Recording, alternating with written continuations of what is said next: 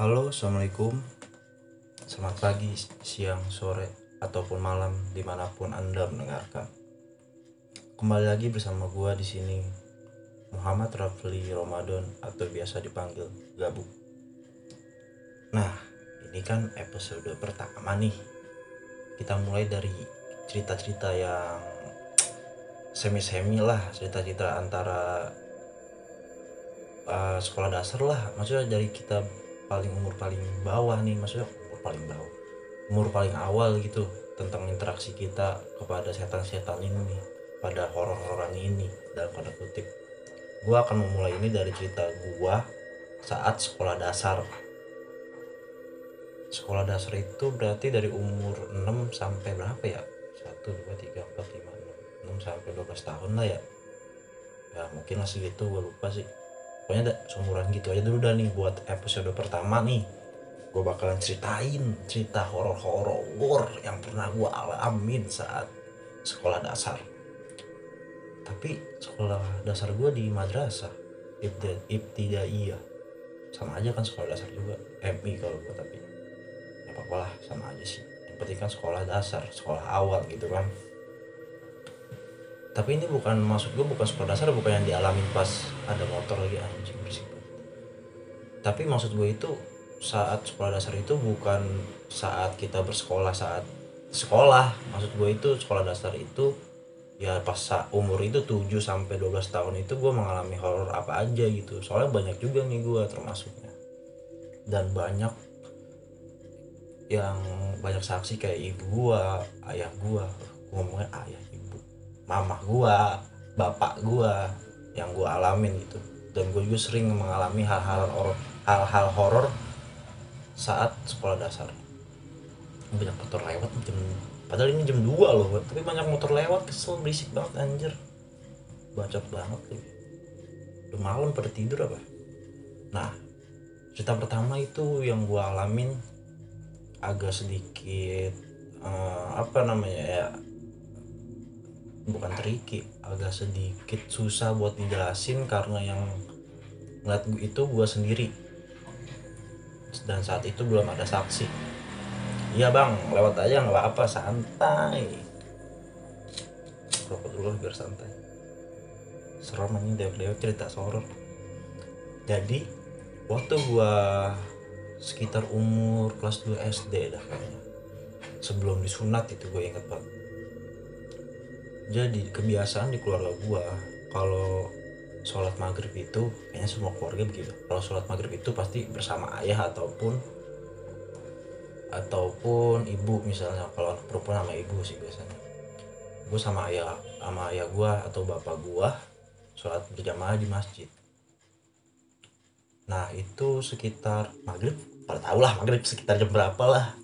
Pokoknya maghrib tuh gue sholat maghrib gue sholat maghrib sama ayah gue namanya anak kecil kan bercanda gitu kan. So injek injekan kaki injek injekan kepala bapak enggak sih kayak gitu. Dosa goblok. Enggak gitu. Injek injekan kaki sama anak kecil yang lainnya. Kejar kejaran ya, yang gue inget sih gitu. Nah namanya setelah sholat maghrib itu kan ada yang apa ya doa doa kayak gitulah. Anjing gue anak ustadz nggak tahu gue namanya apa itu. Pokoknya habis sholat maghrib itu pasti ada seks sesi doa-doa sebelum kita meninggalkan musola atau meninggalkan masjid bersama orang-orang lainnya. Nah, gua setelah habis Assalamualaikum warahmatullahi wabarakatuh nengok kanan dan kiri gue langsung lari keluar. Gue pengen pulang pengen ketemu ibu gue karena gue emang tipikal yang anaknya manja banget gitu ke ibu gue gue lari ke luar kan. Cepetan tuh sama anak-anak lain. Cuk cuk cuk cuk cuk lari itu gue pakai gue pakai sandal gue lari nih. Soalnya musola itu posisinya emang deket banget antara 10 meter atau 12 meter dari rumah gue gue lari tuh. Set set. Dan tanpa gue sadari gue pengen banget nih nengok ke kanan. Gue lupa ngejelasin ya. Oh iya gue lupa ngejelasin. Jadi di kanan di kiri musola gue itu ada jarak sekitar 50 meter di situ ada taman kanak-kanak dan banyak tempat bermain. Nah itu gue lupa jelasin tadi goblok. Ada tempat bermain ada ayunan ada yang naik naik apa tuh pokoknya nggak ngerti gue ada perosotan ada yang jungkat jungkit ada ini pohon dan ada sebuah pohon kecapi besar dulu di situ. Sekarang udah nggak ada pohon kecapi besar dan pohon awi. Oh ya pohon awi itu pohon bambu yang banyak gitu. Di deket musola itu tuh dan TK-nya itu tepat berada di itu samping pohon kecapi dan pohon bambu itu. Nah tadi nyambung ceritain tadi. Gue lupa gue belum bisa nih gue cerita-cerita kayak gini nih. Takut gue merinding dari tadi bangsa ya udah lah gue cerit gue lari tuh. Tanpa gue sadari gue pengen nengok ke kanan nih. Emang suasananya emang gelap-gelap belum gelap banget gitulah. Ya maghrib abis maghrib belum terlalu gelap lah gue pengen banget nengok ke kanan. Terus gue langsung menengok kan iya pengen nengok ya pasti langsung nengok. Gue nengok ke kanan slup gue aduh itu banyaknya masih ada di gua bangsat. Takut banget gue di atas perosotan ada kayak sama-samar eh, buletan yang persis banget bentuk kepala. Uh anjing gue serem banget. gue takut gue malah jam 2 pagi ini gue cerita. Anjing takut gue banget ada aduh berbentuk kepala rambutnya gondrong matanya nggak ada mulutnya bolong kayak gitulah pokoknya udah kayak tengkorak doang gitu. Muter-muter di atas prosesan itu. Sebanyak tiga kali gue kan nengok kan lama gitu ya sambil lari.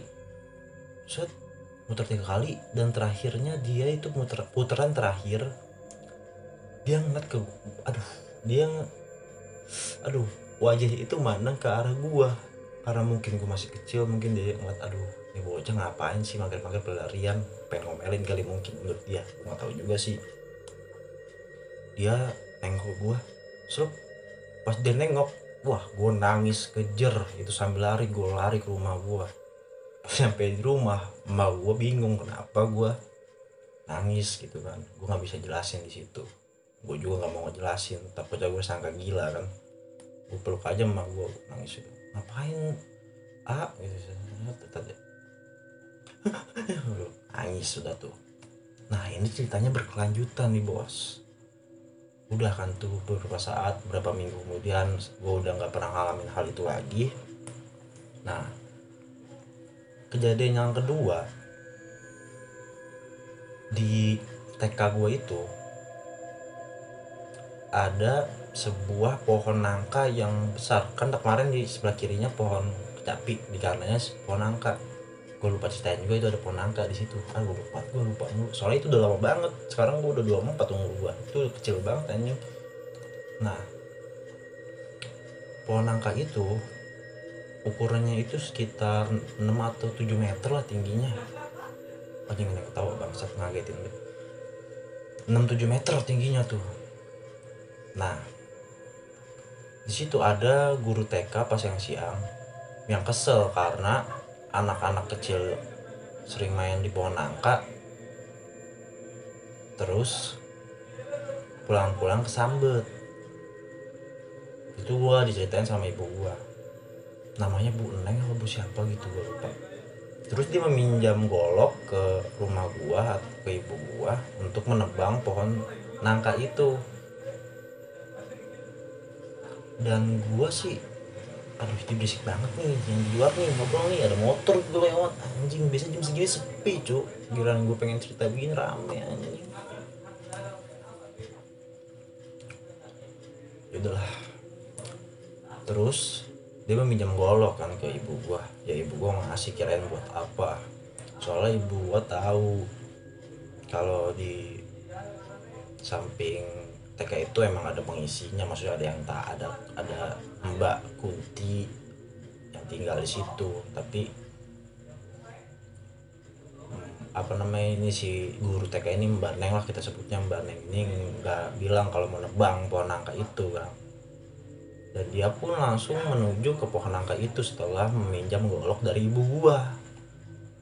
Saat dia ingin menebang pohon itu dia agak ada sedikit kengerian katanya dalam hatinya. Dia cerita ke ibu gua karena kejadian itu. Saat dia ingin membacok bukan membacok apa ya memangkas anjing motor bisik banget. Saat dia ingin membacok bukan membacok memangkas lah ibaratnya mau ah ya iyalah pengen nebang pohon itu. Ayunan pertama nih. Meleset jadi kayak pohonnya itu kayak menghindar gitu. Maksudnya gimana ya jelasinnya? Kayak kayak lu udah udah tahu nih lu mau nebang gimana tapi pohon itu bergeser cu itu siang-siang loh. Dan dia pikir kan dia halu gitu ya dia lanjutin lagi dia nebang kedua. Tok apa yang terjadi cu itu golok mental. Anjing, untung gak kena. Untungnya nggak kena dia. Mental ke belakang. Masalahnya apa? Mental kan dia kan ngebacoknya kenceng ya kan pohon nangka itu gede karena mungkin dia kesel dia nggak maksudnya ngebacok aja dulu lah gitu. Dia bacok dak itu mental ke tanah dan nancep di tanah itu. Jadi kayak kenceng banget kan itu. Dia berarti udah ngayun ngecek udah dari situ. Habis itu dia ter apa namanya kayak terpuruk gitu kayak jatuh gitu dengkulnya jatuh ke tanah. Kayak lemes gitu. Dan pingsan. Dan dibawa ke rumah ibu gua. Dan dia cerita apa yang dialamin gitu kan yang tadi dialamin ya mah gue ketawa doang lagian siapa aja. Itu mah kudu didoain dulu kudu dipindahin dulu orangnya orangnya isinya gitu segala macem. Kayak gitu kan ya udah dah tuh nah cerita yang lanjutan tadi gue yang sholat maghrib itu ada nih ya, setelah ini. Itu serem banget sih tuh kalau misalnya gue ceritain tapi gimana ya? Soal lucu juga sih. Lu bayangin dah misalnya set ngebacok terus mental. Terus yang ngambil setannya gitu kan set diambil set bukan begitu wah bacoknya nih begini diajarin kali gitu. Garing banget set kuntinya keluar aja ngajarin ngebacok gue goblok. Ya udah itulah. Gak kocak ya ya gak apa-apa lah tapi juga usaha gitu kan. Ya udah das. Gue lanjutin cerita gue yang tadi sambungan dari cerita yang pertama. Ini kejadiannya saat saudara gue dari ibu gue datang ke rumah gue yang di sini untuk apa namanya ya nyaba lah ibarat istilahnya orang Betawi main gitu. Kita ngobrol segala macam di rumah gue yang kecil cuma empat petak gitu. Ngobrol-ngobrol. Nah kucing kesayangan gue berantem. Gue nggak tahu dia berantem sama siapa gitu namanya kucing kan ada kucing lain. Ini wilayah gue bangsat. Tuh mungkin gitu dia kejar-kejaran lah tuh. Masalahnya mereka kejar-kejaran ke pohon nangka itu dan dia diem di situ malahan kucing gue namanya siapa? Si belang namanya gue inget udah kan tuh si belang. Gue kan namanya gue pemilik kucing gue kejar lah takut apa namanya bocah ya. Gue kejar padahal itu kan jam sekitar tengah malam kayaknya. Soalnya sih udah gelap banget. Gue ke situ gue samperin kucing gue gue ambil. Nah ini nih. Pas gue ambil kucing gue set. Ada orang. Visualnya itu TK-nya itu cuma satu rumah ya. TK-nya cuma kayak satu rumah. Di sebelah kirinya pohon. Bambu-bambu itu sama pohon kecapi di seberang jalan. Di pohon bambu-bambu itu aduh berisik banget nih. Di pohon bambu itu gua ngelihat seorang liat orang gue nyangka pertama gue itu orang lagi jongkok kayak nunduk gitu. Aduh pusing kepala gue anjing kalau nyeritain kayak gini. Orang lagi jongkok palanya kayak ke bawah gitu kayak ya kayak orang jongkok terus kayak lagi galau gitulah ke bawah palanya. Gue sampai gue tanya kenapain mas di situ banyak apa namanya banyak nyamuk kata gue gitu kan. Ngapain di situ banyak nyamuk mas? Dia ngejawab nggak ngejawab dia aja gue samperin kan. Namanya kan gue bocah lugu gitu kan ngeliat orang itu kasihan kali mungkin ya. Gue samperin dah dia tuh. Gue samperin gue agak ke dari nyamping ke depan dia kepalanya nggak ada cu gue lihat perhatiin lah ini orang kepalanya ke mana? Gue kira dia nunduk. Jadi gue sampai dari samping itu kayak nunduk ke bawah tapi ternyata kepalanya nggak ada cu. Anjing gue di situ langsung lari. Gue nangis lagi ya anjing. Gue nangis gue lari. Kucing gue lempar gue lari ke rumah gue mamang gue pada bingung saudara gue tuh pada bingung ibu gue pada kenapa nangis semua dulu katanya. Bocah sih cengeng banget. Gue nggak bisa ngejelasin gue cuma ngomong tadi ngeliat orang palanya nggak ada. Emak gue cuma lagi-lagi dia cuma ketawa. Mungkin dia juga tahu kali ya. Ya udah dah tuh di situ gue paling ngeselin sama gue sih. Emak gue selalu tahu apa yang gue alamin gitu. Soalnya dia emang ada keturunan bisa ngeliat liat kayak gitu. Anak silat juga. Udah tuh.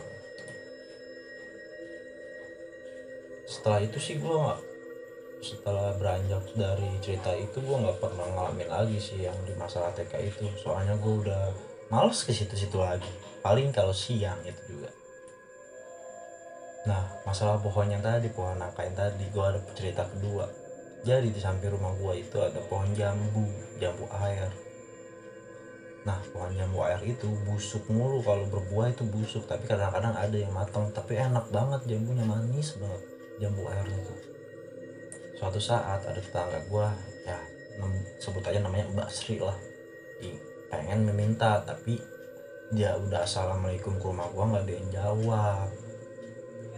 Jadinya dia main petik-petik aja tuh buah jambu di samping rumah gua dipetik aja sama dia set set. Dapat banyak tuh dia yang enak maksudnya yang nggak busuknya nggak ada belatungnya kan. Dibawa pulang sama dia dimakan udah kan tuh. Keesokan paginya pas ibu gua lagi nyapu di depan rumah si Mbasri ini nyamperin ma gua. Bu kemarin saya minta jambu. Maaf ya nggak bilang ya. Soalnya ibu kemarin nggak ada kata si Basri ini kata ibu gua. Ya nggak apa-apa ambil aja. Tapi hati-hati aja ya. Hati-hati kenapa bu? Ya hati-hati aja oh iya bu. Saya bilang izin sekarang juga kan tadi saya malam. Itu mimpi bu saya disamperin. Samperin siapa? Kata ibu gua tuh. Saya disamperin ini bu kuntilanak. Waduh gua di situ dengar ceritanya. Gua takut tanya keluar rumah malam-malam dari samping rumah gua juga. Itu sampai rumah gua banget pohon jambunya kenapa mau gua ceritain itu ke gua? Ke gua? Pas pas si Basri ini cerita ke emak gua emak gua langsung emak gua langsung cerita ke gua di saat situ anjing langsung fuck lah gua berani keluar rumah lagi deh jadi dia di mimpinya itu disamperin katanya ngambil buah jambunya jangan banyak banyak soalnya di kebanyakan katanya sih. Dan gak minta izin juga ke emak gue kalau emak gue diminta izin ke emak gue kan jadi diambil sama emak gue jadi emak udah tau lah emak gue punya kayak barrier gitu kayak punya penjaga lah jadi apaan tuh kunti dilawan lah bentrok dia tuh kalau misalnya sama emak gue berantem dia pakai pedang kayak pakai golok kayak gitulah wah itu serem banget sih. Gue gak nyangka itu. Itu semenjak itu tuh pohon jambu gue gak pernah mati lagi bodo amat atau gue ada nggak bodo amat dah. Gue main juga kalau siang ke situ biasanya gue main di situ nyari apa tuh? Nyari semut gitu mancing semut. Gue nggak berani lagi. Tapi yang kocaknya itu gue pernah ketimpa jambu. Pas gue kan kalau kita ketimpa jambu belah kan jambu air kan agak empuk gitu ya belah di situ yang gue lihat jambunya bersih. Tapi pas gue makan ada belatung anjing gue di situ saat itu gue nggak mau makan jambu dari situ lagi. Anjing padahal gue paling demen buah tapi gue nggak mau yang dari situ ini. Pas tahun keberapa gitu itu pohon ditebang air karena untuk pelebaran rumah gue atau apa gitu jadi ditebang rumah itu. Eh rumahnya tebang. Ngapain rumah ditebang anjing pokoknya ditebang dah dibersihin soalnya wah gitu. Agak serem juga. Udah kan tuh. Nah akhirnya udah dah gak ada cerita sekitar rumah gue lagi yang serem-serem lagi dah. Eh ada waktu itu tapi itu ceritanya gimana ya? Itu saat gue umur berapa ya? Takutnya masuknya ke SMP oh enggak itu kelas 6 SD gue ingat. Jadi di rumah gue itu kalau misalnya sepi eh misalnya nggak ada orang gue paling seneng. Terus gue pasti kan ngapain tuh main apa? Gue paling dulu paling sering main kelomang main itu tuh main kartu atau apa di rumah gue sendiri gitu. Soalnya gue jarang punya teman waktu kecil. Sedih banget gue anjing. Gue sore-sore itu ingin mandi gue ceritanya. Gue pengen mandi itu. Udah pakai anduk gue udah jalan kan set. Habis main capek set. Emang di rumah gue kondisi mama bapak gue kondangan. Saat itu gue udah punya adik adik gue dibawa. Gue gini kan gue buka kulkas sebelum mandi pengen minum dulu aus banget gue habis set gue buka. Gue minum gue tutup lagi kan. Ada yang bang ada yang manggil. Rapli sini mama tolongin. Udah kan tuh gue jawab iya bentar nah gue gue jawab tapi gue jawab baru gue mikir "Lah, kan mah bapak gue undangan itu yang manggil siapa? Kata gue aduh ini ada saksinya bibi gue gue langsung lari keluar pakai andukan doang nggak pakai sempak nggak pakai apa gue lari kenceng banget keluar. Set ke rumah samping rumah gue itu kan rumah nenek nenek gue ngapret lari. Gue ngap kenapa ah ini bi numpang mandi ya di sini ya. Takut mandi di rumah. Kenapa emang? Ah tadi yang manggil. Pas suaranya mama tapi ke mama kan lagi kondangan. Gue ngomong gitu. Bibi gue cuma nyengir ya udah sana mandi. Habis itu gue mandi. Nah pas pakai bajunya ini gue bingung nih. Akhirnya gue minta saudara gue ada namanya ah jangan sebutin dah. Ada namanya saudara gue minta nemenin gue ke rumah gue ya gua gua bisa pakai baju segala macam dan gue keluar main nungguin ibu gue dan ayah gue ke apa pulang. Tapi itu gue nggak ceritain ya takutnya kan jadi masalah lagi lah. Udah rumah kecil pakai pengen pindah misalnya gitu kan. Udah baik lah. Karena gue anaknya nggak banyak nuntut dulu. Sekarang doang iya. Kan udah sih itu aja cerita tentang rumah gue kayaknya kelamaan berapa detik sih? Udah 21 menit udah lah cukup cerita gue untuk malam ini. Kalau ada yang mau ngirim cerita ntar gue taruh IG gue di eh taruh IG gue ntar kirim aja DM ke IG gue di apa nama at moh raf dan buk nah itu kirim aja di situ ya. Ya udah selamat malam. Selamat tidur